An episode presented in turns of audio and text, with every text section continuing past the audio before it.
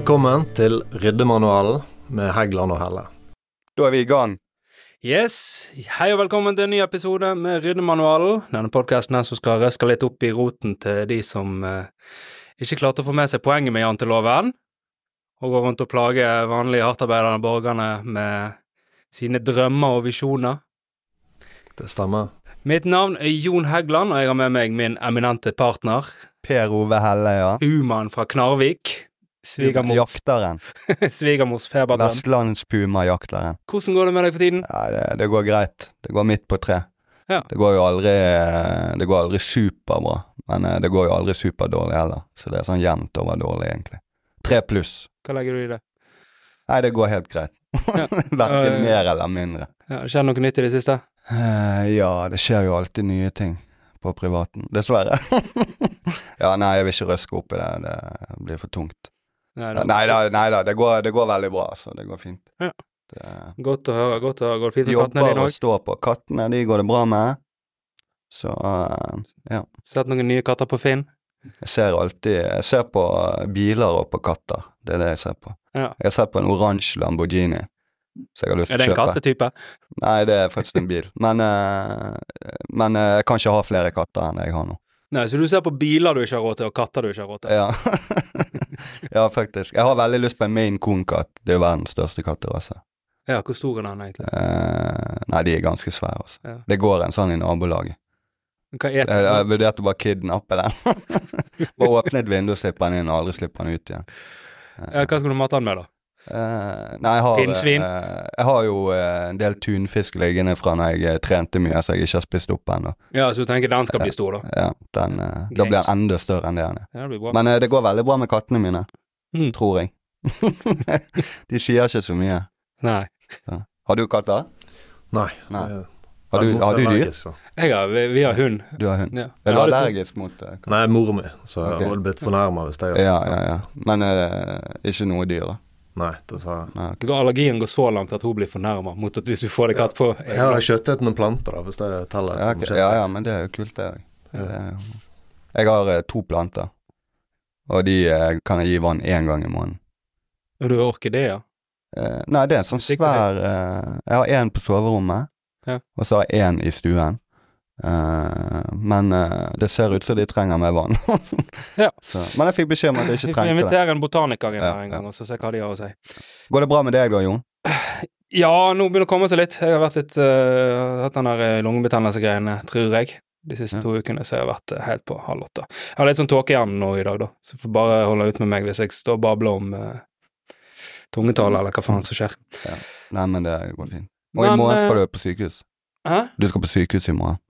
Nei, på torsdag. Ah, ja. Det skal jeg uh, bore inn i bihulene. Jeg har, bore, jeg har borekurs. du har borekurs. jeg kan ta det. Ja, men jeg har frikort allikevel, så Ja, okay. det er ikke økonomien det står på. Nei. Det er i så fall skattepengene til andre. Ja. Men uh, Per Ove, du, du ser vel en del film? Jeg elsker film. Har du noen favoritter? Uh, Gladiatoren er jeg veldig glad i. Og så Interstellar, Inception uh, Det er sånne type filmer jeg liker, egentlig. Stor. Jeg gleder meg veldig til den nye Napoleon-filmen. Napoleon-filmen, hvem skal lage den? Samme som lagde Gladiator. Ridley Scott. Ridley Scott? Joakim Ja. Phoenix skal spille hovedrollen, Ja, det blir eh, så han liker jeg veldig godt. Ja. For han er jo helt sinnssyk. Ja, den sitt. episk. Jeg gleder meg til den. ja, den. den tror jeg blir bra. Du gleder deg òg, ja? Ja, ja. ja. Tror du de kommer til å gjøre han uh, like høy som han var? Han ser veldig høy ut på plakaten. Han var egentlig ikke så lav, Nei, det var, det var, det var, det var, ja, det var sånn der eh, var vel, var vel engelskmennene det som Ja, gjorde de sånn, lagde han eh, lav for at han skulle virke latterlig. sant? Ja, for de, de hater jo Frankrike. Engelskmennene på den tiden. Spør frankmennene hva de liker, da. De liker jo ingenting. Nei, nei, nei, det er sant. Jeg har vært i Frankrike, og så sa jeg 'hello, you speak English', og så svarte de ikke. Nei. Det var et mareritt. Du skulle, du skulle prøvd standup der, du. Ja. På engelsk. det er det jeg elsker. Nei, eh, for i dag så har vi jo med oss en representant fra denne sagnomsuste bransjen. Hva skal vi kalle han? Eh, Film, TV, media. Ja, film eh, Ja, film TV, media, det er bra å kalle det det. Du er en sambygning av meg, fra Os. Så nå, nå kommer jeg å gjøre byen utrygg. To fra Os og en fra Knarvik. Det er ikke ofte de samles i et rom. Jeg er ikke så fin lokal.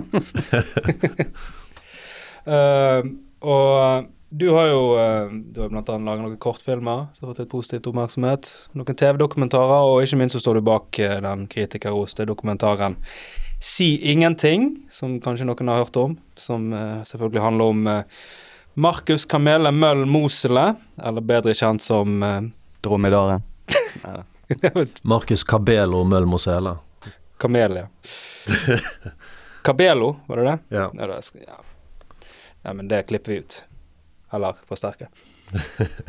Velkommen til deg, da, Rolf Lissan Bjøre.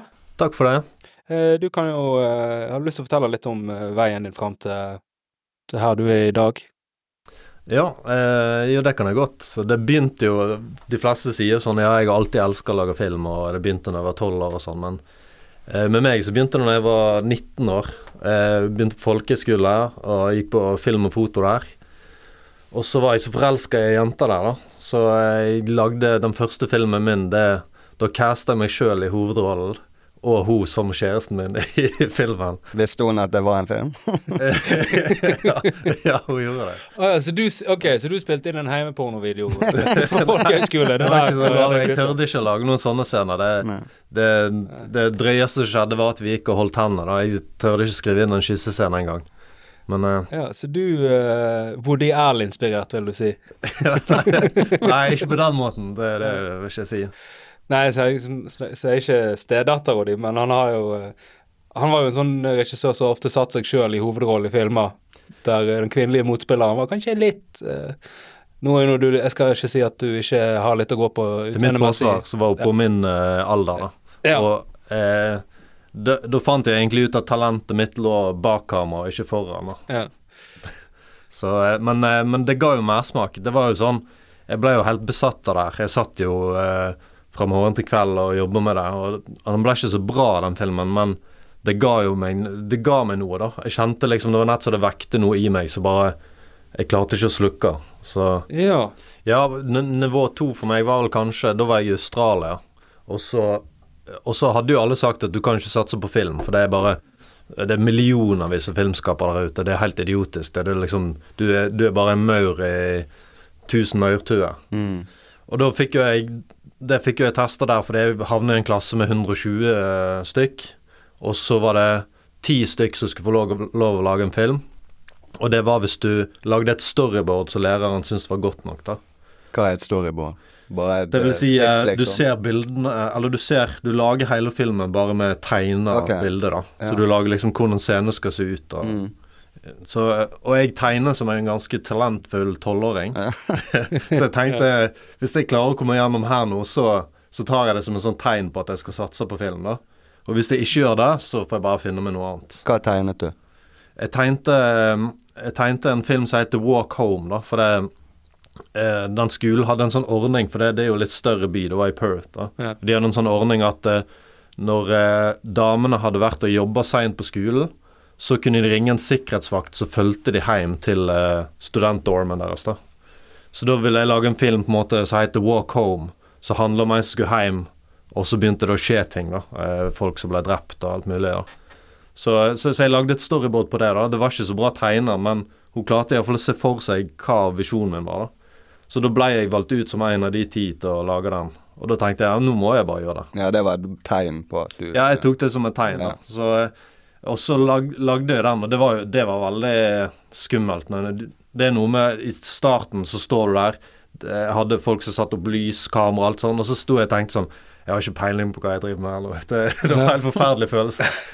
Ja, for du, eh, sånn som jeg uh, Iallfall av det jeg sjekker opp av det du gjør, du er ganske sånn omnipotent eh, filmskaper. Du er veldig sånn fra, fra krybbe til eh, ferdig produkt. Ja, og det, og det Jeg kjente jo det at det, liksom jeg eh, Det er utrolig viktig for meg sjøl at det skal bli bra da når jeg lager en film. Så, så det, det er egentlig eh, mest eh, mest i konkurranse med meg sjøl at jeg vil bevise for meg sjøl at jeg klarer det her. da og, Men samtidig så er jeg veldig bevisst på at det, det verste du kan gjøre, er å kjede publikummet ditt. sant? Ja. Alle de filmene du nevnte, de, de er jo ikke kjedelige et sekund. Sant? Og, og det har vært sinnssykt viktig for meg. Uansett om det er tema så Jeg pleier å ta tema som er veldig personlige, og ting som har fra mine liv, da. Mm. Men du skal ikke kjede folk. Det skal Mm. alltid spille. ja. Så du liker å bruke altså ting for du, så du liker å brenne for da når du eh, lager noe. Men sånn Ja. er jo det med oss òg når vi skriver vitser og sånn. At du må nesten uh, synes det er noe sjøl. Ja, du må Bare- synes det er noe sjøl, Ja. så er det jo òg det uh, Jeg har mange ting som jeg hever. Så Ja, det jeg, har jo jeg òg, men så det er jo sånn en hjertebane tenker dette her er kjempegøy, Ja. men jeg klarer ikke å Men over, føler og så formidle det til det beste uh, man lager, er jo det man virkelig brenner for og liker sjøl og vil og ut. Og bare produsere noe så bare for å produsere noe. Ja, det er jo ikke triks, tror jeg, da, for hvis du skal gjøre det bra. Nei, og det er jo det eh, som er så viktig for meg, da. At det må være eh, Det er på en måte Jeg utleverer jo hjertet mitt i Mm. filmene, da. Det, de er superpersonlige alle sammen. Og, og det vil dere se på Si ingenting òg. Det er en kjempeintim og personlig film, da. Så det, det føler jeg er veldig viktig i hver film. I tillegg til at du skal underholde, da. At det må ha Ja. en dybde. Og det er jo det jeg, det det jeg liker med komikere, da. Er at det er ofte de beste komikerne, de har jo hatt beinharde liv og opplevd masse tøffe ting. Og så, bruk, og så snur de det om til humor, eh, som gjør, så treffer folk, da. Ja, det skal han eh, Vanskelig å konkurrere mot uh, for eksempel eh, Richard Pryor, Ja. Ja, han er som er født på et bordell. ja. Så har jo eh, har jo det. Men det er jo også, altså, du har jo komikere som har levd helt normale liv, men de klarer på en måte å fange opp en essens av, eh, av tilværelsen. Så de Mm. klarer å formidle på en eh, Hvordan det er å skifte vinterdekk og hvordan det er å skifte vinterdekk og De har overganger fra ungdomsskole til videregående. Ja. Tunge tak.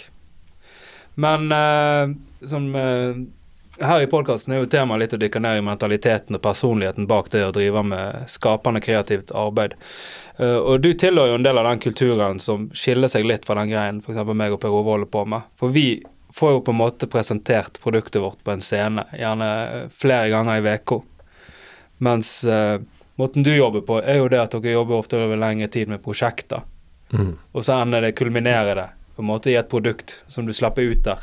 Og når det er sluppet, så kan du nesten ikke ta det tilbake igjen. sant? Nei. Så det jeg eh, lurte på, du var jo litt inne på det òg, det er Hvis du ser bort ifra når når eh, filmen slippes, eller produktet Når er det Det er jo sikkert noen delmål på veien, men når kjenner du liksom sånn press og prestasjonsangst? Eh, ja, ta si ingenting, da, så, så har jo jeg på en måte jobba meg opp til å komme der, der jeg fikk lage den. Da har jeg jobba siden 2005, kanskje. Og, og ofte ikke hatt et liv, for jeg har vært så fortapt i filmen. sant? Og bare virkelig jobba beinhardt. Og så er det mange folk som satser på det. sant? Det var, jeg hadde bokstavelig talt flere millioner på skuldrene, og da er det opp til meg at folk skal få igjen de pengene. sant? Og jeg visste òg at eh, siden han er så kontroversiell karakter, så kommer alle avisene til å gå ut og anmelde. Så når jeg, eh, når jeg kjente sånn, eh, når de distributørene sa sånn Ja, nå gikk hele Presse-Norge inn i kinosalen i Oslo, for nå skal de eh, skrive anmeldelsen av filmen. Da kjente jeg på presset. For var, hvis de hadde begynt å rulle toere og einere, da er liksom det jeg jobber fra 2005 Det bare hiver det i bosset, liksom. Da er det over. Ja. Så, så, så da når jeg la meg den kvelden, eh, så kjente jeg bare sånn Ja, shit, dette, dette er press. Fikk du sove?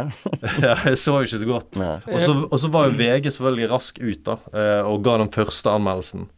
Og det var eh, Han eh, Distributørene sa at han som anmeldte den Morten Ståle Nilsen? Ja, han, han, han liker jo ikke Han liker jo ikke kultur. ja de, de sa det går alltid kaldt nedover ryggen når han kommer inn i kinosalen og skal anmelde. Så, så, men men eh, han, han eh, hadde nå sine meninger da om filmen, og så tenkte jeg når jeg leste den, så tenkte jeg her slakter han det totalt, liksom. Men så fikk jeg en firer. Ja, Det det er jo eh, som en sekser fra han. Ja, ja, han, han, han skriver jo en sekser med, med negativ omtale. ja, ja. Nei, han virker jo uh... Jeg tror ikke han er så populær blant Men så tenkte jeg Men så, så lå jeg der lå jeg, tenkte, jeg lå i senga på uh, hotellrommet, da, for da var vi på turné med filmen, og så tenkte jeg sånn Nei, men fuck it. Jeg, nå har jeg faktisk gitt alt i denne filmen. Jeg er, jeg er stolt over filmen vi har lagd, og eh, nå får det bare gå som det går. Ja. Og så våkner jeg eh, av masse meldinger av venner. bare 'Å, gratulerer, gratulerer.' Og så bare 'Å, hva er det?' Nei, Filmpolitiet hadde gitt meg femmer. mm. Og det var så deilig. Og da begynte femmeren å rulle.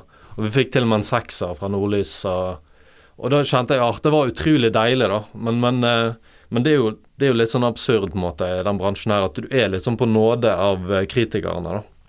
Og film er jo veldig subjektivt. sant? Det er jo eh, Alle har jo sin smak, sant. Det fins Ja. jo folk som ikke liker det er Shawshanks Redemption, liksom. Ja, sant? men det er jo sånn folk ser en film, eller ser bare terningkast. Fikk han fire eller tre?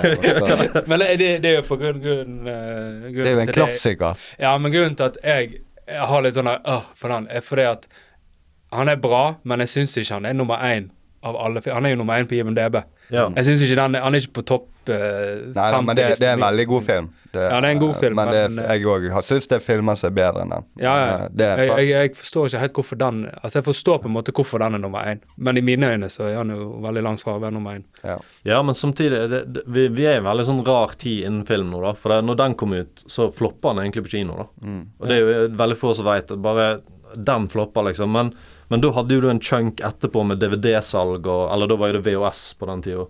Så den gjorde det veldig bra på VHS og DVD og sånn. Eh, men det har ikke vi nå lenger. Nå er det streaming, sant. Så nå, så nå er du avhengig Vi var veldig avhengig av at uh, Si Ingenting skulle gjøre det bra på kino, da. Ja. Um, og det gjorde han heldigvis, da. Men det òg var jo veldig sånn press. Kom folk til å gå og se han, sant. Og, men det var, var den mest sette i Norge i 22. ja, og så har jo du selvfølgelig han karakteren som gjør at eh, Ja, ikke minst. Ikke minst. Men, mye men uansett hvor interessant han er, og det er han, han er en veldig interessant karakter, men det er opp til meg å lage en god film, da. Det, du kan lage en dårlig film av en interessant karakter, sant. ja, du Så- må gjøre jobben. Ja, ja, det var enormt press der, Ja. da. Men det må jo ha vært en utrolig lettelse, selvfølgelig, når de anmeldelsene eh, kom inn. Ja, det var det. For det, det var liksom eh, Det var veldig rart. Jeg tenkte ikke så mye over det før de sa at nå er alle inne i kinosalen og skal anmelde. Da kjente jeg sånn Oi, dette er jo faktisk karrieren min eh, som står på spill. Det er liksom vinn eller forsvinn. Ja, for du er jo Du sier du har holdt på siden 2005, og du sa første Det var du 19. Du begynner jo å Du er jo snart min alder. Du er jo et par år yngre enn meg, ikke du? Jo, jo. Så, så det, det er jo en veldig sånn lang utvikling. Du regnes jo sikkert som relativt ung ennå. Ja, jeg eh, Ja, du kan si jeg er up and coming, selv om jeg Ja. egentlig blir gammel, eller Du begynner å bli middelaldrende snart. ja, nei, men jeg er på en måte Jeg er i en sånn rar alder nå, da. Jeg er ikke gammel, men jeg er ikke ung heller. Nei, Så, så men, men det er jo lik til deg sjøl. Men, Men film er jo på en måte Det er jo et maraton, det er ikke en sprint. Sant? Så du må, du må være tålmodig. Og så, og så av og til når jeg, når jeg er så sykt sliten og jobber så hardt med et prosjekt, så, så begynner du å tvile sånn hva, Hvorfor driver jeg med det her? Sant? Hva, bør jeg finne meg noe annet? Og så, og så Da stiller jeg meg alltid spørsmålet hva annet kunne jeg tenke meg å gjøre? Og da er alltid svaret jeg kunne ikke tenkt meg å gjøre noe annet. Men, men, eh, men jeg må stille meg det spørsmålet rett som det er, da. Men, men jeg er Når du først er fortapt i filmen, så er det ingen vei tilbake. Da. Jeg må Jeg kunne tatovert en filmrull rundt hånda, og den hadde vært der ute livet, liksom. Jeg kommer ikke til å drive med noe annet. Ja, for nå er jo det òg Nå er jo det på en måte litt sånn beyond the point of no return òg, sant. Ja, det er ingen vei tilbake. Det er kjipt å begynne å jobbe på kassen eh, på Kiwi på Os nå, liksom, hvis det går dårlig. Ja. Ja, for nå er jo Det har jeg prøvd. Ja, for nå er det jo det som du sa, at uh, mm, Nå har du, du har på en måte nådd et par milepæler, og du har iallfall kommet i en posisjon der uh, du har jo muligheten til å, å drive med dette her. Resten av livet. Og det er jo eh, Vi har jo snakka litt om en økonomi, men jeg tenkte vi skulle prøve å hoppe over det spørsmålet, for det er så det er så sjølklart at selvfølgelig ligger det økonomi i, eh, i bunnen. Men vi har jo vært inne på det på litt tidligere episoder òg. Å kommet til trygg økonomisk grunn. Og det som jeg har litt lyst til å snakke om, er jo det at noe som jeg kjenner på sjøl òg, i forhold til andre folk eh, når de spør meg om ting i forhold til det å drive med noe kultur, er at de har en litt sånn misoppfatning av hvorfor man gjør det.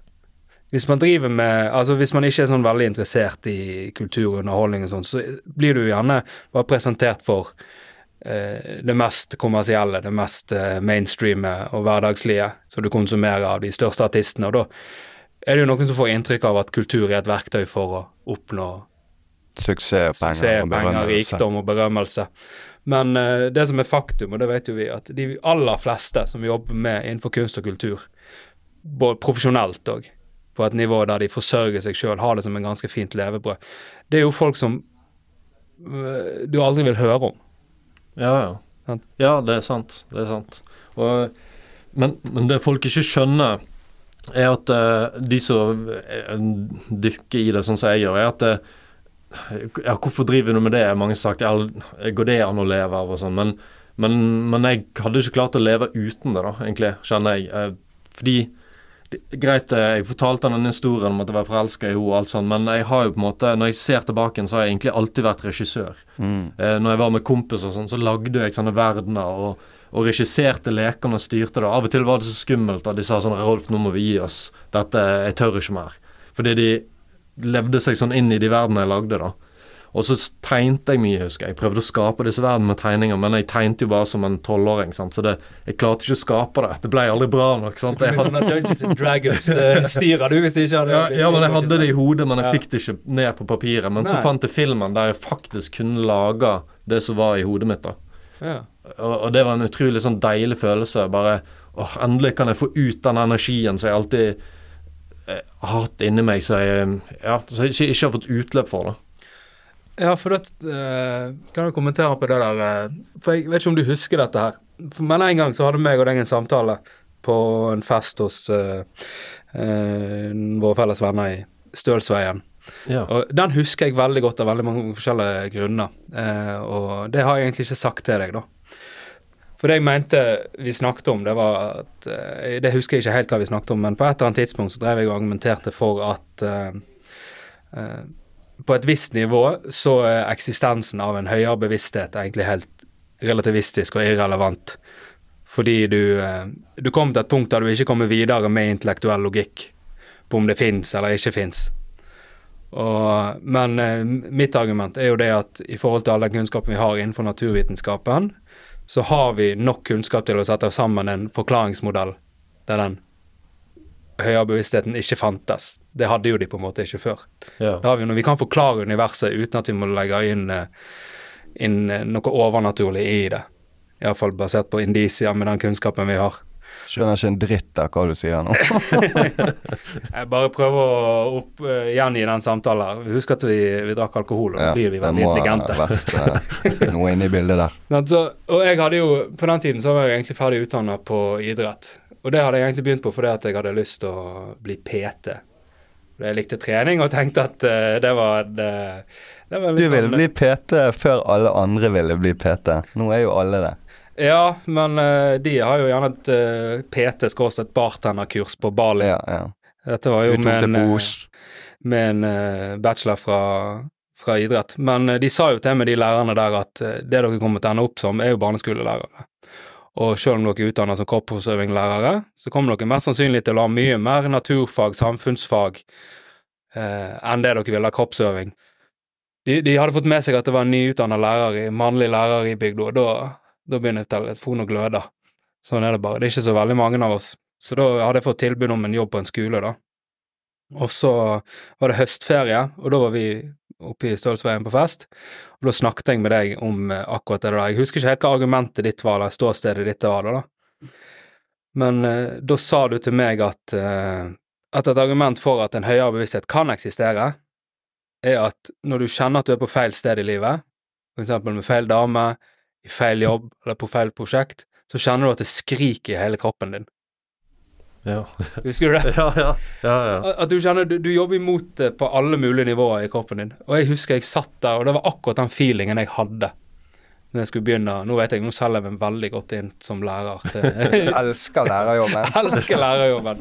Altså, jeg, eh, det har vært veldig bra i perioder, men den er, den er på en måte den der eh, kom, Gnisten. Altså komme tilbake igjen, at du, du er på feil plass.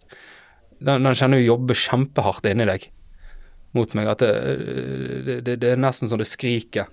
Men jeg må jo bare påpeke at fremdeles er jo hellig overbevist, eller uhellig overbevist om at eh, om at eh, det ikke trenges å finnes noe atskilt høyere bevissthet. Jeg er jo fremdeles ateist. Men eh, jeg har aldri klart å riste av meg det du sa der. ja. Den feelingen der. Du har jo beskrevet den kanskje litt nå. Ja, ja, nei, men det, ja, det er jo interessant å høre at det gjorde sånn inntrykk på deg, da. Men, men det var jo det jeg kjente f.eks. med når jeg skulle lage en annen verden. Så hadde jeg sittet og klippet ting for andre over lang, lang tid, og ikke fått lagd mine egne ting. Og så hadde jeg en historie så jeg bare hadde så sykt lyst til å bare jeg, jeg trengte å få den ut. Det, bare, det var så viktig historie for meg. Og hadde lagd et manus jeg var fornøyd med, søkte fondet. Jeg fikk avslag på avslag, og nei, denne filmen er altfor dyr. Du kan ikke lage en novellefilm på Vestlandet en sånn som det her, for det er altfor dyrt. Altfor mye spesialeffekter, ormehull og undervannsscener og alt mulig. Og jeg bare Nei, men jo, jeg skulle klart å lage den. Jeg bare Nei, de, nekter å støtte meg. Eh, og så var det en minuttfilmkonkurranse i Bergen der, eh, der du skulle du, du skulle lage en film på ett minutt, og da konkurrerte du med hele bransjen. Og da sa jeg til meg Det var bare en intern konkurranse jeg lagde. Jeg sa bare sånn Hvis jeg vinner i år, så skal jeg annonsere for hele bransjen at jeg skal lage en annen verden. Lage den novellefilmen. Og så plutselig vant jeg, og så kjente jeg Oi, shit, nå, nå har jeg lovt meg sjøl, nå må jeg gjøre det òg. Så da annonserte jeg at jeg skulle lage den, og jeg skulle lage, spille den inn om sommeren. Men jeg hadde jo ikke fått noen støtte, sant. Så, men jeg hadde spart opp lenge, eh, så, så jeg tenkte sånn Ja, men nå nå bare gjør jeg det. Jeg bare, og det var så deilig følelse. Det var nett som den der skrikingen inni meg bare løsna. Bare sånn Ja, men nå blir han. Nå blir den filmen. Så, så da satte jo jeg i gang. Men, men kvelden før innspilling, da var det den samme feelingen som når anmelderen hadde gått inn eh, i Oslo. Da, da kjente jeg bare sånn OK, nå Normale folk ville jo brukt disse pengene på leilighet. Eh, Jeg er jo i en sånn alder Ja. at jeg burde jo egentlig kjøpt leilighet. Det er jo det samfunnet forventer av meg. sant?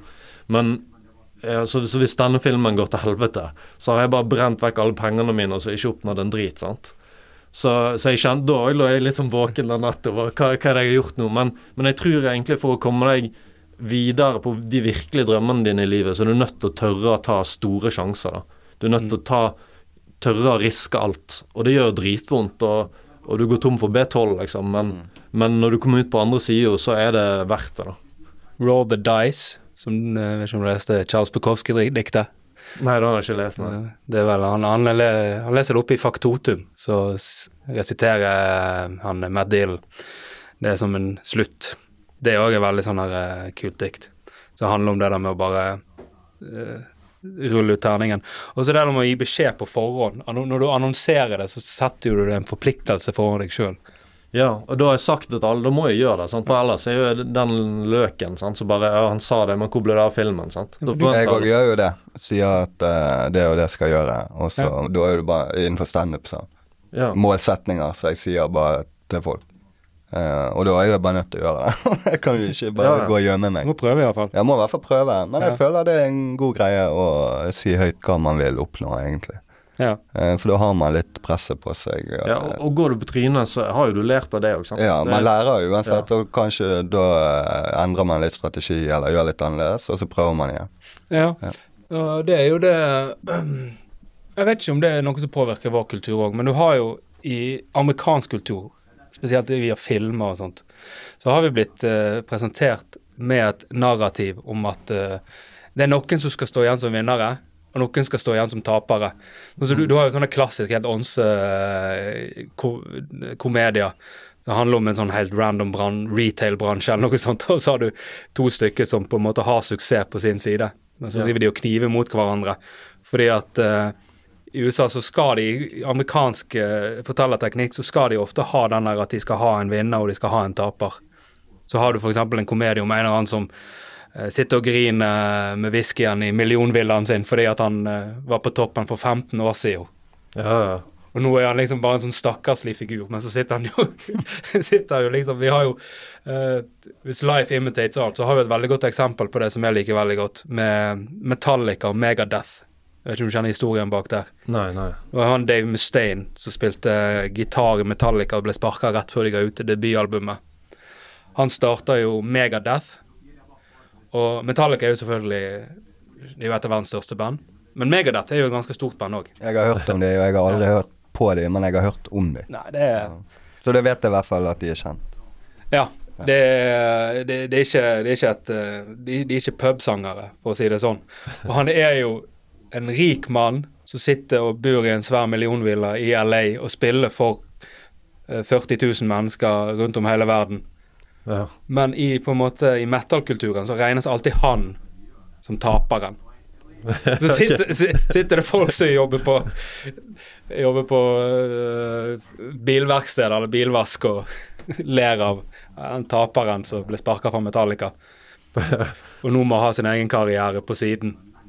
Ja, ja. Så jeg vet ikke om uh, Det narrativet, kjenner du igjen, eller er det noe vi kan ja, og så er det noe med at eh, farene og så jeg har prøvd å legge litt vekk, da. Liksom, det er sånn du, du må gjennom livserfaring lære, da. Men, men det er jo det at du hel- hele tida higer etter Du har et mål, sant, så skal du nå det målet.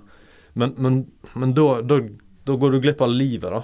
Så, så det, det er innsett det, på en måte Med å si ingenting, så oppnådde jo vi eh, egentlig liksom alt jeg kunne drømme med at den gjorde det best på kino i Norge, og 102 kino i land og alt sånn. Men, men eh, du opplever jo Du opplever egentlig aldri fremtida. Fremtida ligger der, men, men du tenker aldri sånn ah, 'Nå er jeg der'. Du, har du, du har kan jo bare oppleve nåtid, sant. Mm. Så, så, så litt av poenget mitt er at du må, uansett hva drømmer eller mål du har, så er det sykt viktig å bare nyte prosessen. Ja, for det kan være litt vanskelig av og til. Man glemmer litt, for man har så fokus på at det som kommer, det skal være best, det skal gjøres perfekt. Og så blir det bare det imellom. Det blir litt sånn glemt. Ja. Utviklingsfokusert. Ja. Ja, for det, den prosessen fram, sånn postproduksjonen, det var jo beinhardt, sant. For det var det så enormt press, og, og, og jeg gjorde noe som ikke er så vanlig, at jeg hadde både regi og klippte filmen. Og det er jo ikke anbefalt, fordi klipperen skal være litt psykologen din, sant, som skal si ja, dette blir bra, og klappe deg på ryggen. Men det måtte jeg si til meg sjøl. Og, og etter seks måneder så er jo liksom eh, eh, Så er jo moralen litt lav. da. Heldigvis hadde jeg jo produsentene som backa meg, da, men eh, men, men det er noe med at eh, du, Hva er vitsen? Hvorfor? For det når du nådde det målet, så sa det piff. Så var alle premierene over, og han var ferdig på kino. Det, det gikk så fort. Ja. Så, så da Hadde du en litt sånn tomhetsfølelse når det var ja, Hva du føler alltid videre? det etter Ja. et prosjekt. For det, og, så, og så er folk litt sånn her um, utørstelige, på en måte. Sånn, uansett hvor bra de syns filmen er, så spør de alltid Ja, hva er ditt neste prosjekt, da? Mm. Ja, men så bare Ja, men jeg er jo skamutslitt. Jeg har ikke, jeg har ikke lyst til å tenke på det nå. Skal ikke dere bare nyte filmen som kom, på en måte, da? Men folk vil alltid bare sånn Ja, hva er det neste? Hva er det neste? sant? Ja, fordi folk tenker jo ikke på det eh, som du har De vil jo bare eh, gå videre, liksom. Ja, ja, for, og folk er beinharde. Spesielt i dag når du har så mye streaming og sånn. Så, så kan de gå og se en storfilm. F.eks. for eksempel, jeg var og så den eh, The Creator eh, en, eh, med noen venner Mm. for et par uker siden. Og jeg syns jo den var helt amazing. Det er bare sånn storslått, fantastiske shots, masse filosofi, masse dybde. Men så var det én scene som trigga de litt, og så de ikke følte det var helt logisk. Det var litt sånn ulogisk, og det var jeg enig i. Men alt annet var jo på stell. Men pga. den ene scenen og den ene feilen, så var de bare sånn Nei, drittfilm. Folk henger seg opp i ja. det. det der kan du prøve. Jeg skal vise deg en eh, hvis du vil gjøre noe litt stilig. Eller rart. Gå inn på IMDb, ta hva som helst film. Finn Gudfaren, Shawshank Redemption, Fight Club, anything. Som har bare, er bare uh, anerkjent på alle nivåer som en toppfilm. Så kan du gå inn og så tar du og så velger du einere. Ja. Og så leser du gjennom de. Og det som er rart der, det er at det, det de skriver, det er ofte sant. De har helt rett i alle de tingene de har hengt seg opp i. Så du, du kan nesten gjøre det med hva som helst. Ja. Du, kan, du kan slakte eh, gudfaren og gi han en einer, og så forklare, forsvare den eineren. Jeg tror, jeg tror det er mange som gjør det bare som en rent Ja, intellektuell men, men, sport. men hva, da, da har de på en måte en innstilling skal kunst være perfekt, da? Er ikke det rom for noe feil? Eh, det er på en måte ofte de filmene er gode, føler jeg. De som er litt sånn uperfekte. Det er jo Nolan, eksempel. Mm. Han, han reindyrker jo det. Han, det skal ikke være perfekt. Det, er rom for feil. Men, men en einer, da føler jeg da skal jo alt være så på trynet at ingenting dårlig. skal være på stell. Ja, ja, da, skal du, da mener jeg at da skal du miste Miste totalt på det som er ditt eget visjon med filmen. ja, ja. Hvis du har en visjon som uh, henger noe på greip, og så det du prøver å manifestere i den Jeg føler at det er veldig dårlig hvis man jobber knallhardt for noe, så får man en ener. Da må du ha gjort noe feil. Ja, Ellers må du det ha vært han fra. VG som har anmeldt. Det ligger jo litt av risken i det. Ja. Mm. Og det er jo en del av drivkraften. Uh, og vi snakket jo med det som du var litt inne på her med, uh, for uh, to episoder siden, så hadde du jo besøk av en psykolog. Og jeg vet jeg refererer en del tilbake til han, da, men nå er han jo i og for seg den eneste fagpersonen vi har hatt der inne. og da er det greit å bruke det som ryggdekning. Han eh, har jo hatt eh, klienter som har vært i, eh, i underholdningsbransjen og kunstbransjen og sånn. Og eh, han sa jo det at folk som har hatt en eh, karriere, og gjerne kommet opp på toppen der de har vært eh, profilert og sånt, han sier jo det at det er som regel ikke der det mest minneverdige skjer i karrierene til folk. Nei. Det er, når de, det er ikke nødvendigvis der de er på toppen, det er rundt det. Ja, veien Mm. opp. Veien opp og eventuelt uh, de tingene de får være med på etterpå. For du fikk jo litt sånn rød løper på den der eh, Si ingenting. Ja, premieren var jo bare amazing. Vi kom inn med de bilene som var leid, med plakaten på bilene, og det var det, var, det sto 1000 mennesker der, med, og det var røde løpere. Bergen kino sa de hadde ikke hatt en sånn premiere siden 'Ringenes herre', liksom. Så var, Han var nummer én på kinotoppen i Bergen i ukevis. Så det var jo en helt amazing følelse, men, men det går over sånn, sant. Så da, da er det utrolig viktig å, å kose deg i prosessen òg, da. Og, og ikke minst ta vare på alle de eh, menneskene som vil deg godt. For det, når du har suksess, så merker du fort de som sier gratulerer, men egentlig så hater de deg. Og, som, og de som sier gratulerer med utropstegn og virkelig er glad på dine vegne, da. Og de som du veit er glad på dine vegne, de er jo de du må ta vare på. Mm. Det er de du må holde deg Hvilken type er du? Eh, jeg sier, når jeg sier gratulerer, så mener jeg det. Mener det? Ja, da, da er, og hvis jeg ikke sier noe, så Eller hvis jeg ikke mener det, så sier jeg ikke noe, på en måte. Ja. Annet enn hvis de spør rett ut hva syns du om filmen min. Så sier du gratulerer. Ja, for det som jeg tror eh, for utenforstående som ikke kjenner til den, den driven med å skape noe som du sjøl uh, syns er kvalitet, de ser gjerne på at å ja, nå har han oppnådd det med rød løper, tusenvis, nummer én på kino. Nå må han nå, nå må han jo jobbe for å oppnå det igjen og igjen og igjen. At det er det du skal gjenskape. Ja, men det er jo ikke det det handler om. Men det, det er veldig mange som ser for seg at det er det som er film. liksom Det er champagne og røde løpere. Men, men det viktigste for meg er jo eh, at jeg er kjent for filmene, at folk har en stor filmopplevelse. Det, det jeg syns treffer meg mest, det er jo når en fremmed person kommer bort med tårer i øynene og sier hvor mye filmen betydde for dem. For de kjenner ikke meg. De kunne bare gått forbi, og, og jeg hadde ikke merka det engang. Men når noen som jeg ikke kjenner, går bort og sier hvor godt de likte filmen, da, det treffer meg faktisk enda mer. Enda mer enn hvis familie og venner gjør det, for de må jo si det, på en måte. Ja, de er. Men det er jo det om å få, få anerkjennelse for, nye, for noe man har gjort. Det er jo en veldig god følelse. Så du klarer å være takknemlig? Ja, absolutt. eh, Og, og det, er nødt- det, det er jo det jeg liksom Den følelsen av at du treffer noe i folk, det er den jeg syns er størst. da. At du kan gi noe tilbake igjen. Mm. For det, det er jo eh, det er jo det som er de filmene som gjør mest inntrykk på deg, som treffer en sånn nerve, noe som du kjenner igjen i. da. Mm. Så når, når jeg ser at jeg har truffet sånn i folk, så, så, eh, så betyr det veldig mye for meg. Og eh, da kan vi ta over til eh, en litt sånn annen ting som veldig mange som driver med kunst og underholdning eh, har over seg. Det er denne selvtvilen på at du av og til kommer over en sånn bølge at eh, det du holder på med, ikke holder mål.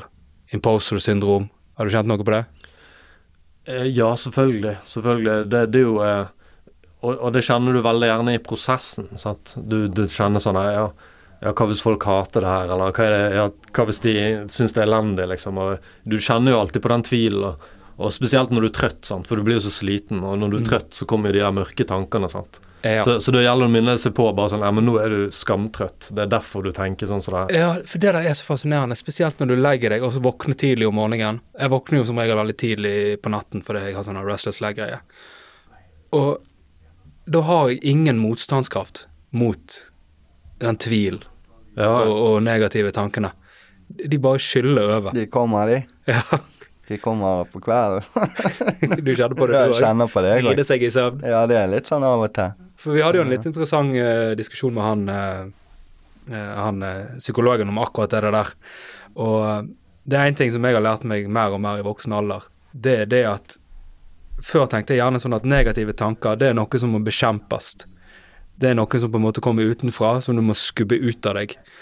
Men det som kanskje gjør det egentlig helt umulig å overvinne det, er det at det er jo en del av deg. Ja. De negative tankene de kommer fra det samme intellektet. Det baserer på seg på de samme grunnleggende premissene.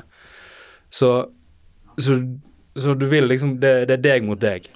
Ja, men samtidig, det, samtidig så føles det litt som de lever sitt eget liv, da. Sant? At du eh, At det på mange måter ikke er egentlig deg. Sant? At det er bare Det er nesten en sånn intimitet som kommer inn. Så jeg, av og til prøver jeg å se på de utenfra og så gjøre litt narr av de, at det, at det er måte noen tanker som kommer inn fra sida, som egentlig ikke er det. ikke Sant? For det det, blind. ja, ja men, men du må jo bare av og til stille meg spørsmålet Er det sånn som jeg tenker nå? Eller er det bare jeg som tenker mørkt nå? Eller er Ja. det faktisk sånn? Og hvis du virkelig sånn går ut og stiller sånn, er det sånn? Nei. Det, det, Ja, det du har jo sånn. gjort noe, og du vet jo at det egentlig er bra. At det, de tankene bare prøver å lure deg, eller Ja, ja, før du skal du har jo allerede gjort det. Du vet jo hva du har gjort sjøl. Ja, Så når de tankene kommer, så må man jo bare prøve å tenke at uh, ok, dette her eh, Det går i hvert fall. Ja, når du lærer over. å holde det fokuset. Ja. Det når du skal rett før du skal på scenen, så kommer det en sånn her, ja, liten goblin på siden. Bare 'Dette her er jo bare tull'. Dette er bare bare drit. Og så tenker du ja, jeg, har, jeg har brukt dette materialet tusen ganger, Allikevel. og likevel Så kommer tvil. så kommer Jeg tenker Men jeg, en så eh, Som jeg snakket om i den musikkvideoen som jeg hadde vist han, jeg kan ta det etterpå. Der var det en veldig fin sånn bilde på det. At eh, det er lurt å tenke på det litt som en som, som pendel. For at du bruker utrolig mye energi på å jobbe mot de negative tankene. Og da blir det ofte en sånn negativ spiral. Jeg har merket, jeg kan bli veldig sur på meg sjøl for at jeg tenker sånn. Nå tenker du negativt, ting du har gjort hundrevis av ganger før. Så hvorfor driver du og tviler på det om og om igjen? Hvorfor kommer den tvilen hele tiden? Og så går det liksom, fører det til mer negative tanker, og så går det liksom nedover. Så istedenfor å drive og gå til krig mot meg sjøl, så tenker jeg gjerne at det er en sånn pendel, og nå er han der. Og jeg lar ikke blåse han tilbake igjen, liksom. Men jeg bare veit at på et tidspunkt så kommer han til å svinge tilbake, for det er en pendel. Ja. Og det, det er bare en del av det å være menneske og drive, og Mm. drive med det. Og som, som han eh, Per Sjøberg sa, tenk at det har en funksjon. De negative tankene kan ofte ha en funksjon. ja, Det er ofte for å beskytte deg sjøl. ja, det holder deg skjerpa òg, da. Ja. Ja. Men, men samtidig, jeg, jeg prøver å gjøre narr av de, da. Jeg, på Ja. måte, jeg prøver å gjøre narr av de tankene når de kommer. Er At, det, at jeg bare ler litt av det. Jeg, for for ofte opplever du en situasjon etterpå som viser at de tankene var helt på trynet. Og da prøver jeg bare Ja, ja men da gjør jeg narr. Der ser du hvor teit det var, sant. ja. Og når de kommer igjen, da, så prøver jeg egentlig å- mobbe litt de tankene, da, fordi de er så urealistiske ofte, sant. Ja, Og de tankene har gjerne kommet før òg, så du vet at du gjør det jo samme om og om igjen. Så. Ja, ja. Så. Men det er jo en prosess. Det er jo, eh, det er jo livserfaring, på en måte. sant. Ja. Ja, og det, er, det tenker jeg òg Litt av grunnen til at jeg valger det, dette temaet for podkasten, er jo for at folk utenfra, enten de som konsumerer kultur, eller de som aspirerer til å hive seg inn i bransjen, kan få høre fra litt folk som har litt fot inn i bransjen, eh, hva for en måte mekanismer som foregår i hodet på deg. For du har jo et kontinuerlig press på deg. Som du sa tidligere, vi kommer jo Du har jo sikkert innsett, som de fleste som holder på med kreativt arbeid, at du kommer ikke til noe platå. Nei, nei. Det tar du, har, du er så gjennomprofesjonalisert og dreven at du kan Selvfølgelig det er jo noen som kommer til et nivå der de slipper å tenke på økonomi lenger. Ja. Men det er ikke det vi snakker om. Nei, Vi snakker om det å komme på et platå der du er sikra og skaper eh, Holde en høy kvalitet på, på arbeidet ditt. Ja, ja, nei, nei. Og, og, og, og det er kanskje litt faren for de som nesten havner på et platå, da. De, det, er de kaller jo det Lucas-syndromet, da. Og det var jo når etter han hadde lagd de tre første Star Wars-filmene, Ja. så skulle han lage prequelsene. Og da var jo han en gud i hele filmmiljøet. Han hadde lagd Star Wars, liksom. Så det, da, fikk han full frihet. Han kunne gjøre hva han ville. I- For de første filmene så holdt jo de Hadde jo han folk som hjalp han og gjorde Ja, da, sant? men da fikk han så sykt mye motstand. Ja, ja. Hele tiden, hele tiden motstand. Mm. sant? Folk som sa 'dette går ikke', 'dette går ikke'. Ja. Han måtte fighte det gjennom. Ja. Og da ble jo det eh, Da ble han så utfordra på alle avgjørelser at han måtte på en måte rettferdiggjøre det det både for seg sjøl og for andre. Mm. Og da ble jo det kvalitet. Men når han ikke ble utfordra og bare kunne gjøre som han ville, så fikk jo ikke den dybden og kvaliteten som de gamle fikk. sant? Fordi det var ingen som ga han den motstanden. Ingen som Mm. tørde å si 'ja, men hør her', ikke han Jar Binks litt teit? Jar Bings hadde aldri skjedd med den eh, hvis han hadde sluppet til den onde stemmen. Nei, men, men jeg, jeg tror det er viktig uansett hvor langt du kommer, så må du ha en person du stoler på, eller flere personer du stoler kunne på. ha ja-mennesker rundt Ja, deg. da- som sier sånn Ja. Ja, men det her var ikke så bra. Det gjelder komikere òg. Du må ha en som du kan teste materialet på, som sier jeg sånn Ole So. ja. Ja, ja men sier det her var bra, men det her var jo Det her var drit. Det, det er liksom burn you. Eller Ja. Du må ha ærlige Ja. meninger rundt deg, hvis ikke så uh, blir jo kvaliteten dårlig. Ja, og de må du ta med deg uansett hvor bra du gjør det. Om du hadde blitt verdens største komiker, så måtte du ha med deg de personene Ja, han blir jo ikke nødvendigvis sånn automatisk dårlig, men jeg tror at han kan stoppe utvikling. Ja, du, Mm. du blir ikke nødvendigvis bedre. Det er det som er liksom faren med regissører. da At du ser ofte når de blir eldre, så blir ikke kvaliteten på arbeidet altså noe større. Ja, jeg, jeg føler òg at eh, sånn som Ridley Scott og sånn òg, at uh, når de piker, og så begynner det å gå nedover uh, litt og litt og litt og litt. Det, dab, aliens. det dabber litt og litt og litt, da. Eh, men sånn er det er jo sikkert naturlig. Sånn er det jo med, med alt. Men Det er derfor Quentin Tarantino sier nå han Ja, han skal lage sin siste film. Fordi han Han vil, ikke, han vil ikke bli sånn. Han vil ikke Ja. havne der at filmene hans blir dårligere med tida. Ja, Så savner han det plutselig. Ja, jeg, jeg lurer på om han kommer til å klare det. For det, det, Ja. det, det er jo en del av DNA-et hans, jeg tror ikke Men jeg tror han kommer til å gjøre en del Han kommer seg til å lage serier og sånn. Eh, jeg tror han eh, jeg, har- jeg har jo sett en del uh, intervjuer med han og sånn.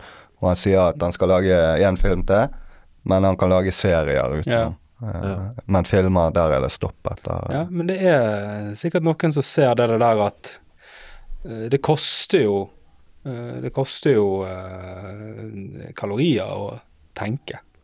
Ja, ja. Å være uh, Ja, det krever mye av deg, eh, både f før når du lager manuset, og, og selve innspillingen. Er jo, det er jo, da er det som du er i krigen. Sant? Det, du kan s- Bare fortsett. Hæ? Ja. Du kan se på deg sjøl som at du er, er, på en måte en general, da, og teamet ditt er troppene. Og det er du som må ha kontroll over slaget. Og hvis du gjør noen feil, så taper du slaget, egentlig. Men hvor lang tid bruker du på fra du lager manus til en film er ferdig? Ja, Det varierer veldig, da, men uh, det kan være alt fra hvis du får sitte og skrive på fulltid, så kan du skrive et uh, manus på noen måneder Mm. eller et år. Mens eh, hvis du gjør det utenom andre ting, så tar det ofte flere år, da. Ja, for der var det jeg eh, skulle spørre deg om tidligere.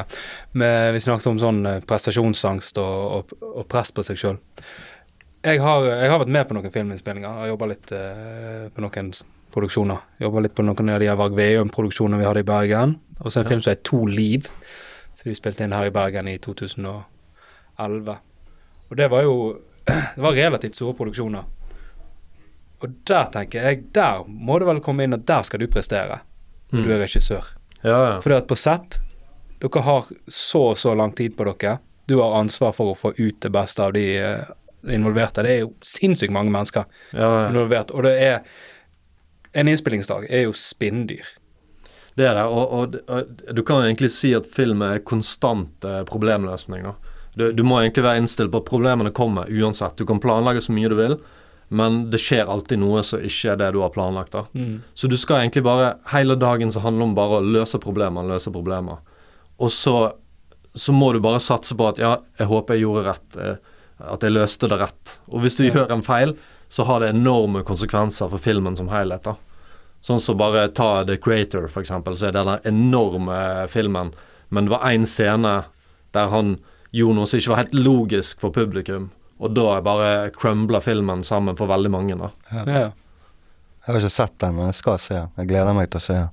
Nå skal du ha argusøyne på den feilen. Nå, du har ødelagt filmen for meg. Nei, men det er en utrolig bra film. Ja, ja, ja, ja, Ja, men den rollen elsker jeg. ja. For det, når jeg husker Når jeg var inne, så var det ofte via venner.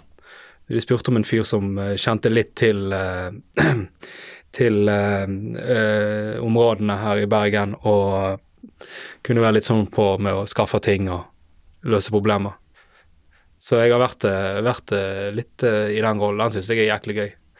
Ja, ja. Det der å bare få servert et problem i fanget. ja, Sånn der, bare, du, vi, trenger, vi trenger en treskøyte. Ok, dere skulle ha tenkt på det før.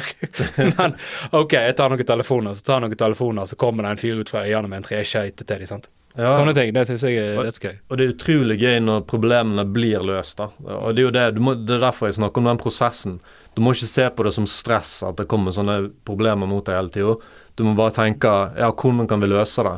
Og så er det utrolig sånn kick, adrenalinkick, når du ser at det blir Når den treskøyta kommer. sant? Mm.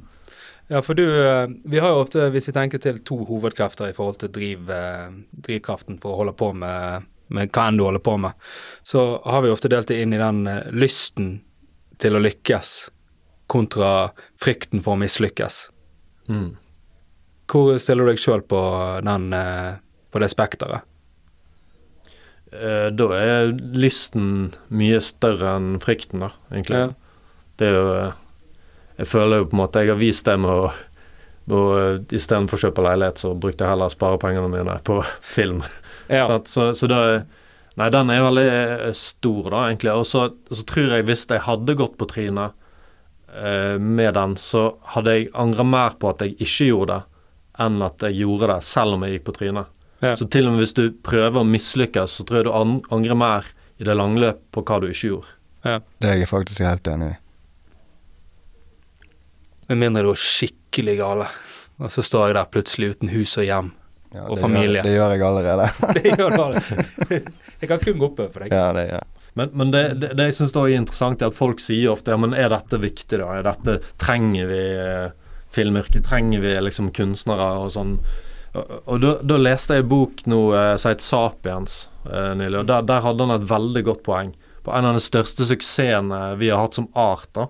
Og det var ikke bare det at vi er gode samarbeid og gode med verktøy, eller at vi er smarte. Det er faktisk fiksjon. Og det var egentlig et veldig godt poeng, for det eh, La oss si du skal samle millioner av mennesker. Da må du bruke fiksjon. Sånn som f.eks. USA. Sant? The founding fathers, every man is created equal. Og er United States of America, vi er ett land, mange stater. De, de har lagd en sånn fiksjon av hva de er, men det er jo ikke akkurat så Amerika som land tenker Landet tenker jo ikke at jeg er Amerika. Det er jo bare et land. Men vi har lagd fiksjon om at dette er et land, delt inn i så og så mange stater, og da kan du samle 250 millioner under den ideen, om uh, den fiksjonsideen, da. Yeah. The det- American Dream. Ja, ja, og det samme med penger. Det er jo en fiksjon. Det vi, vi er blitt enige om at penger har en verdi, sant. Og det er alle enige om. Og det er jo den mest vellykka fiksjonen i menneskehetens historie. Det er jo På tross av religion og alt sånn, så er alle enige om at penger er verdt noe, sant. Mm. Men det er jo bare skapt i hodet vårt. Det er jo bare fantasi. Har du prøvd det argumentet på Lindorf? Jeg har prøvd alt. Du må gå langt ut i Du må langt ut i uh, filosofien der. Ja. Nei, men det er jo eh, Nei, det, det, er, det er interessant, og det er jo det at veldig mange folk eh, konsumerer jo kultur. Det er jo nesten alle mennesker. Ja, vi har behov for historie. Historiefortelling er egentlig utrolig viktig for alle, enten du er, driver med kreative yrker eller ikke, da. Ja. Og det, det er veldig mange som ikke skjønner hva som ligger bak det. For du har jo enkelte greiner da som mener det at eh, hvis, hvis kulturen eh, du lager ikke klarer å være bærekraftig på egen hånd, så, så har ikke han livets rett, nesten. Det er jo noen som tenker så kynisk om. Ja, ja. Men da skjønner du ikke at du, du kan jo ikke lage en film uten midler. Du kan jo ikke lage den uten støtte. Nei, nei, og så sier de gjerne det. De sier det, dette, de kommer med de argumentene, og så sitter de seg ned og lager noe middag, og så sitter de på TV, og så koser de seg med en god film eller en serie. sant? Ja. Men hvem skal lage det her, da? Og ja, det, det glemmer de. Det er jo noen som må lage det, og det er ikke gratis. Ja, ja. Og så de, de, jeg tror nesten de fleste mennesker er innforstått med det faktum at eh, det er ikke nødvendigvis den høyeste kvaliteten som har den største kommersielle suksessen. Nei.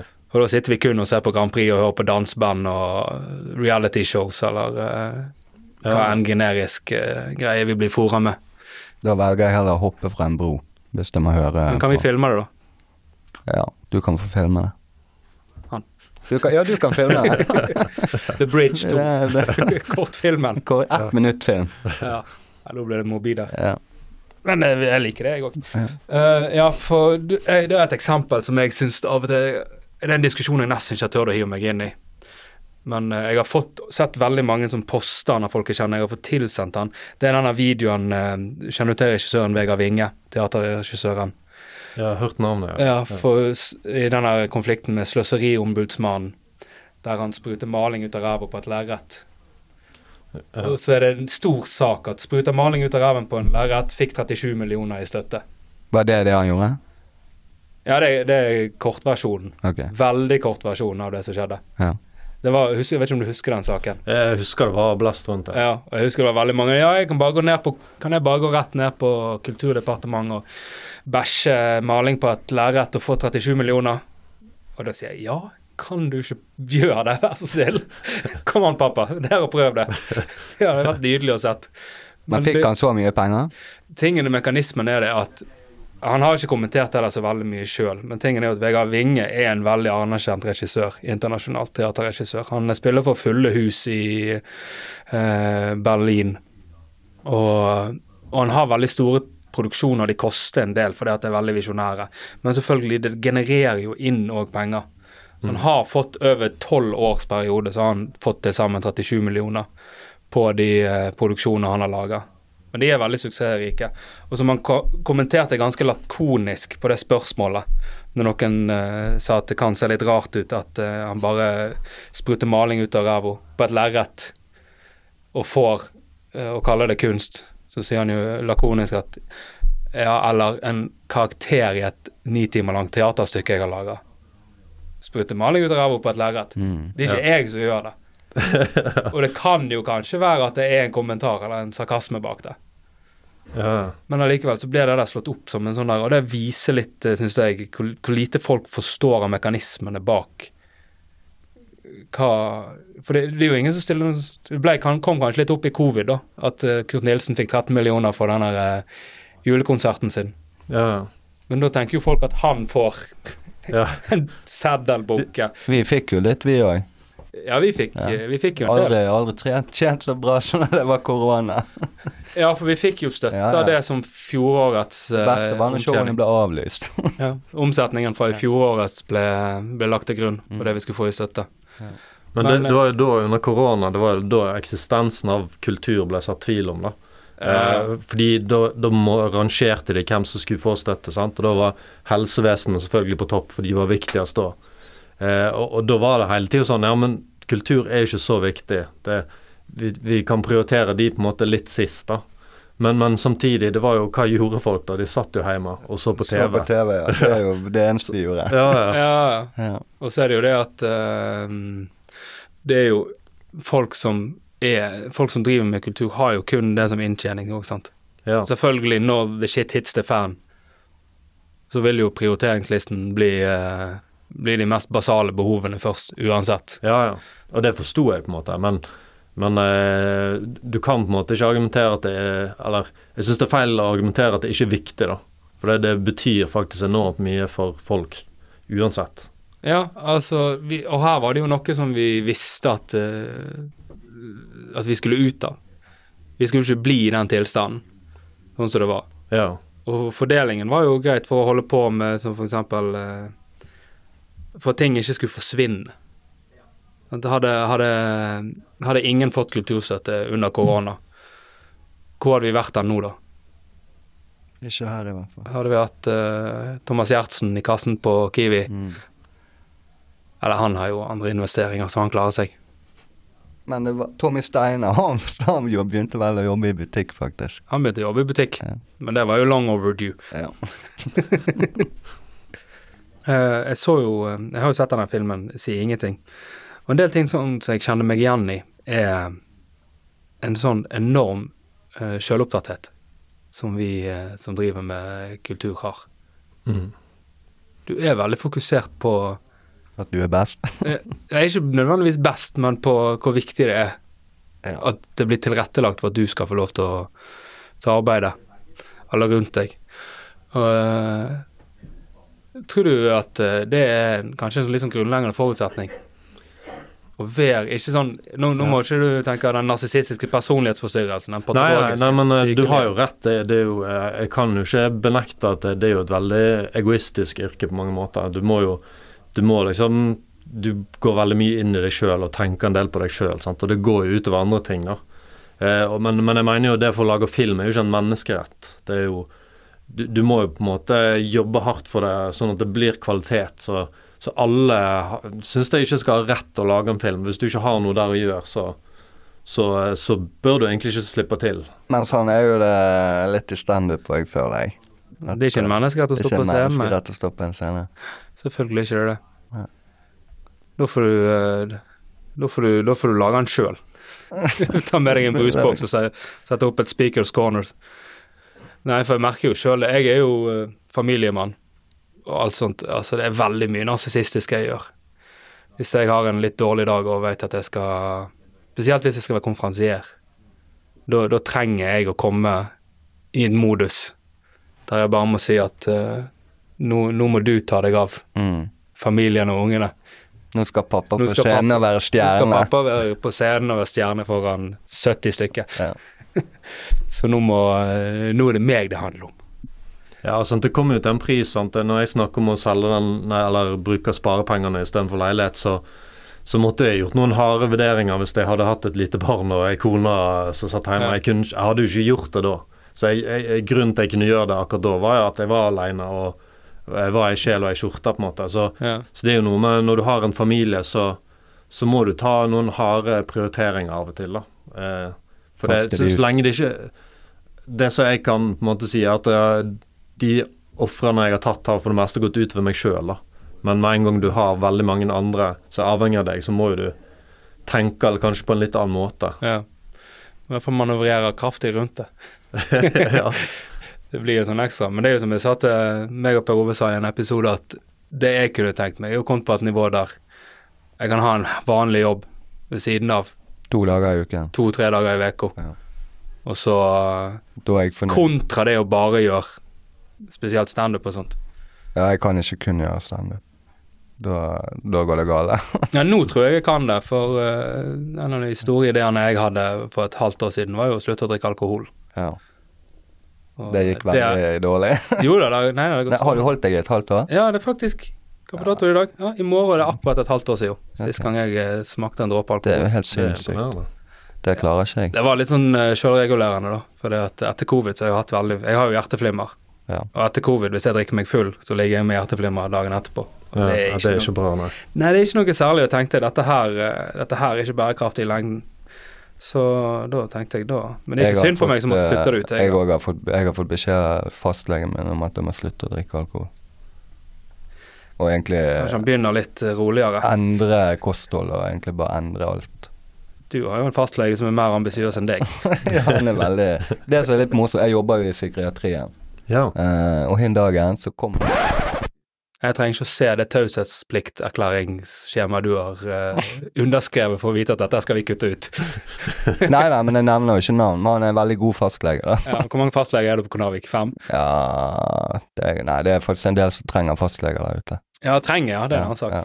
Jeg tror, eh, jeg tror alle kan kjenne seg igjen i eh, i- Uansett, det er bare det at eh, spesielt innenfor Det som kan gjøre det så interessant med psykologien innenfor kultur, er jo det at eh, det manifesterer seg så veldig. Mm. På veldig mange måter. Ja, ja. ja. Men det er jo det jeg syns var interessant med Kamel òg, er at, at han, han betyr eh, mye for folk langt forbi musikken. da. Fordi han har vært uh, frøs ut av samfunnet. Når vi begynte å følge han, så, så ville ikke NRK spille låtene hans. eh, de ville ikke ta, med han, ta på han med knipetang engang. Han satt i fengsel. Han var virkelig en outsider, da.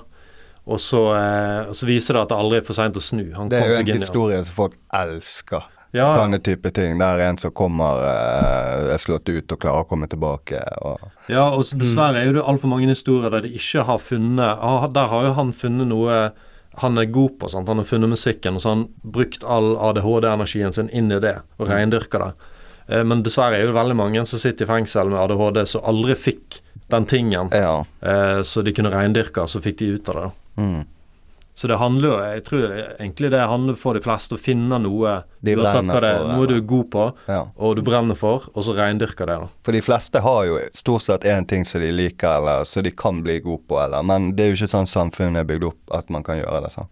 Det er jo egentlig det, men det er jo bare den der stemma og Der tror jeg litt eh, vi kan skylde litt på skolestemmen vårt òg. At vi, Ja. vi blir jo ikke akkurat inspirert, eh, opplever jeg. sant? Og, Nei, jeg, jeg kan jo som Jeg har jo vært barneskolelærer i mange år, og det er jo en av de tingene som jeg syns er veldig vanskelige. Det er jo det at du, du detter veldig fort inn i en sånn her uh, adhoc-pedagogikk, der eh, noen uh, snakker om at jeg trenger ikke å gjøre disse mattestykkene her, for jeg skal bli YouTuber.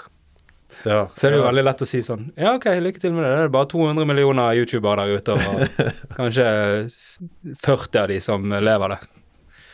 Ja. Så selvfølgelig. Det er jo, det er jo litt gøy historie. Det var vel Jon Olav Nilsen som fortalte det. At uh, han hadde vært i sånne møte med, med rådgiveren på ungdomsskolen. Han sa at du har masse ressurser, du Jon Olav. Du kan, eh, du, du kan eksempel bli taxisjåfør. Ja. Det sant. Men der er det jo veldig mange du skal ha innpå. Men uh... ja, men det, det er noe med at eh, hvis du virkelig Hvis du finner noe du føler du har taket på og god på, og tør å bare hive deg ut og gjøre det, da tror jeg du kommer til å ha suksess med det uansett. Men, men det å virkelig tørre å gå all in på det, det er det som er skummelt, da. Og det har jo ikke jeg tørt helt ennå. Jeg har jo Mm. jeg har enda masse jeg vil oppnå, da. Jeg har fortsatt en stor film jeg ligger og drømmer om hver kveld og ligger og tenker på hver, ja, hver kveld før jeg sovner. Du har jo den eh, Du har på en måte dagjobben din som frilanser og Ja, ja. Så, Og så jeg, så jeg syns jo det er veldig gøy å jobbe som klipper òg. Eh, Ja. Og det er jo eh, på en måte en sånn superkraft som regissør, for det da, da får du se alle andre regissører og fotografer sitt arbeid, sant. Og så, og så er det ekte historieskaping. Du skaper noe som tar form der og da, rett foran deg, sant. Ja, så det er jo ikke en helt urelatert jobb til Nei, nei, og jeg elsker det. Men, men, men så går det så og så lang tid, og så, så skriker den stemma inni meg som du, jeg beskrev til deg den gangen. Ja. Nå må jeg lage noe, nå må jeg det. Og det kjente jeg før, sier ingenting. Nå må jeg lage en film, nå må jeg det. Ja, ja. Og så kom det prosjektet her som var så utrolig spennende. Da måtte jeg bare hive meg ut, da. Ja, for den, den du kan ikke Jeg merker den, den som kanskje skru av. Jeg kan ikke slutte med, med standup og musikk også jeg driver med. Nei, jeg tror du kan bli sjuk av det. Hvis du Ja. sier nei til den stemma der, Jeg så tror tror jeg det faktisk kan er det. helsefarlig. Og det er noen som går gjennom hele livet i en jobb, og så bare presser de den der stemma ned De er veldig gode å presse den vekk. Ja. Men, men eh, Dette er litt kontroversielt å si, da selvfølgelig, men jeg tror ikke de lever så lenge. Jeg tror de eh, Etter så og så langt i livet, så, så, så tynger det de sånn, da. At eh, at de angrer på det. Mot slutten av livet så angrer de på de tingene de aldri gjorde. da. Og det, Ja. og det ikke, Dette handler ikke bare om film, eller det kan være hva som helst. sant? Om det handler om å bygge båter. At du har alltid det, drømt om det. det må ut en annen plass. Altså om det Ja. må være på et eh, høyt nivå, Spellemannsprisnivå, det er jo ikke så veldig relevant. Men eh, på en eller annen måte så må denne ventilen ut en plass. Iallfall hvis du anser deg sjøl for å være en Jeg tror jeg hadde blitt gal hvis jeg bare skulle hatt en A4-jobb og bare hatt eh, familie. Altså Det er helt fint, det, men bare, bare gjort det. Og ikke hatt noe jeg brant for, eller en lidenskap, for å få utløp for eh, det jeg har inni meg. Ja. Jeg tror ikke jeg hadde klart det. Nei, det er Nei, farlig. Det er usunt. Ja. ja, jeg kan skrive under på det for uh, sikkert ti ti år siden, når de uh, spesielt noen mellomste og sånt ble født. Nå er jeg jo tre unger. Så var det Jeg hadde en sånn innstilling at ok, du eh, tok ikke sjansen når du hadde den, nå får du Mm. bare ta og leve med Kommer til å angre resten av Du får bare ta og ta tak og få deg en, eh, få deg en skikkelig jobb og Ja. fokusere på det. Men så nå er jeg middelaldrende, så merker jeg at det å, det å neglisjere det der trykket der, iallfall når du tror sjøl at du har et talent som, eh, som kan gjøre deg relevant, Mm.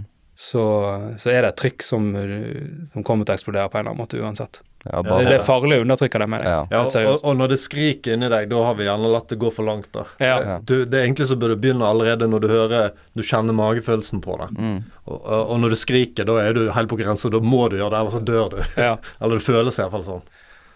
Nei, så absolutt roll the dice. Er du ofte ute og opplever kultur eh, i Bergen? Ja, det jeg vil si eh, Men jeg må innrømme det er jo mest eh, å, å se film. da. Ja. Jeg syns det er gøyest, men Premierefester og sånt? Eller, Ja, nei, ikke fester, men Ja. visninger og sånt. Uh, ja, premierevisninger når folk jeg kjenner har ting, men, men bare det Jeg følger jo alltid med på hva som går på kino. Jeg synes jo Jeg er jo livredd for at denne kinomagien skal gå vekk fra folk. Da, at folk skal slutte å gå på kino. For det, det er ingenting jeg syns er større kick enn når du ser en storfilm, Ja, og, og du er- kjenner folk rundt deg får samme opplevelsen. Du hører folk Lyden Gisper. og alt av Ja, ja. ja, det er jo Så det er nettopp du kan, kjenne, du kan kjenne energien til folk rundt Ja. deg. Av, av at dette her, her er alle enige om at dette var noe stort. da. Jeg husker første gang jeg var på kino eh, sånn Vanligvis så så vi actionfilmer, de mer sånn generiske. Så husker jeg var en gang alene og ser det som fremdeles kanskje er min favorittfilm i hele verden. Jeg var kanskje 14 år, så Big Lebowski. Ja. Jeg var 13 var jeg faktisk. Og så husker jeg jeg satt og så den, og den scenen når, eh, når han heller ut asken Donny. Husker det? ja, ja. Og jeg husker, bare, jeg husker bare måten publikum begynte å le på. For det var en sånn latter som ikke var sånn forventa latter. Det var sånn, det var så absurd. Folk, lo i hele seg, på alle mulige nivåer. Både fra magen intellektuelt sånn, for det var, det var en sånn fantastisk scene. Og jeg husker, det, det, det husker jeg satte satt seg veldig i meg, med på en måte humor film. Det var sånn veldig sånn implisitt humor. Den heller ut denne asken. Blåser i trynet på Jeff Bridges der bak. Men kinoen eh, kommer han vel aldri til å dø ut, vel. Det var jo litt sånn da det var korona, at de slapp alt rett på streaming, og, Ja. men det er jo ikke det Men samme. hvis, alt, men hvis alt skal være bærekraftig på egen hånd, hvis vi ikke skal drive noe med investeringer Ja. i forhold til, til subsidier for ting som ikke nødvendigvis klarer å løfte seg sjøl oppe med kvalitet, så, så er jo kinoen selvfølgelig laglig til for hogg. Ja, det, det er jo fare for det. Eh, og så er det litt sånn Jeg håper bransjen finner en måte der eh, du ikke er så avhengig av at det skal gjøre det bra på kino, men at du òg kan tjene godt på streaming, da. Mm. For det I forhold til sant, På streaming så selger produksjonsselskapene en film for én pris. Sant? Og det er ofte ikke så stor pris, men der har de solgt den. Og så er det samme hvor mange av dere som ser uh, streamer den. De, de har den. Nå er det deres film. på en Mm. måte. Mens før var jo det Da fikk jo alle en chunk av alle DVD-ene. Så så én views på stream, det var én DVD, sant. Ja. Ja. Så, så, eh, og du satt jo ikke Nå bruker vi 300-400 kroner i måneden på alle mulige streamingsting. Det gjorde ikke vi før på. DVD-er. Folk, folk gikk jo ikke og kjøpte DVD-er, eller de fleste gjorde ikke det, da, for 400 kroner hver måned. Nei, nei, nei. Så det er jo egentlig mer penger i det enn det noensinne har vært. Men, men det bare regner ikke på filmskaperne på samme måten. Da. husker du det? Når du gikk ned på platekompaniet, fikk deg en DVD, Det gjorde jeg. Um, og jeg husker musikk òg. Mm. Når det kom et CD fra et, fra et eh, band du likte, det er da bare å gå og kjøpe den og Ja, sitte seg så, ned. så det å kunne åpne en CD og lese Ja, ja. på om artisten og coveret Ja, ja. ja. Ja, nå er det kanskje kino som uh, gir den opplevelsen. Jeg Og vi likte veldig godt uh, når jeg var liten, bare gå på sånne videosjapper og se på nye filmer som var kommet ut, og gå en time bare og se, bestemme seg for hva filmen skulle leie, eller Så den feelingen er jo eh, Det var, var så trist under korona. Platekompaniet her i Bergen gikk unna. Det var min sånn snopebutikk. da. Ja. Jeg kunne være der inne i timevis. Jeg òg likte veldig Nå kan vi rett og slett eh, alle tre ved si at vi er folk som slår et slag for eh, se ting live, gå på kino og se ting. Se standup live, Mm. se musikk live, se teater live, se Standup er jo historiefortelling, da. Det er jo egentlig veldig likt eh, filmskaping på mange måter. Det er å fortelle gode historier som folk kjenner seg igjen i. Ja, Ja. Ja, Ja. Ja, du må jo selvfølgelig engasjere dem, og det er jo på en måte det live-greiene. Som mm. jeg alltid har sagt, at eh, jeg vil ikke høre hva du syns om en komiker før du har sett de live. Nei. Det inn og se de live. Uh, sjekk gjerne ut uh, arbeidet til uh, Rolf. Tusen hjertelig takk for at du kom. ja takk for at jeg fikk komme. Veldig, veldig kjekt å preke med deg. Og tusen takk til Utetrend for å produsere podkasten vår. Følg de på Facebook, Instagram, Og utetrend.no. LinkedIn, tekst-TV. Eh, Følg også Ryddemanual podkast på de samme mediene. Eh, Vi slipper info om episodene og gjerne klipp der. Så kom gjerne på show Pole Bull. Kanskje du får sett meg og Per Ove på scenen. Og så en annen ting som jeg har lyst til å uh, promotere òg, er de engelske kveldene på Brian Borrow, som har blitt min store side hustle-favoritt. Det er legendariske Ja, Ah, gratis annenhver onsdag. Kjempegøy. Uh, Og det burde være gratis. Ja, jeg, vi kan ikke forsvare penger på det der, da. Men uh, jeg syns det er noe av det gøyeste nå å gjøre standup på engelsk. Det er veldig uforutsigbart. Det kan gå alle mulige Jeg elsker å gjøre standup på engelsk, selv om jeg ikke snakker engelsk. Det er derfor vi elsker å se deg på engelsk òg. Og ja, gå på kino. Ja. Gå på kino. Og ellers så får dere ha en uh, iallfall gjennomsnittlig brukbar helg. I det minste. Midt på tre. Ja, det er tøffe tider. Ja. Ja, men tusen hjertelig takk eh, for oss, og tusen takk til deg, Rolf. Takk for meg òg.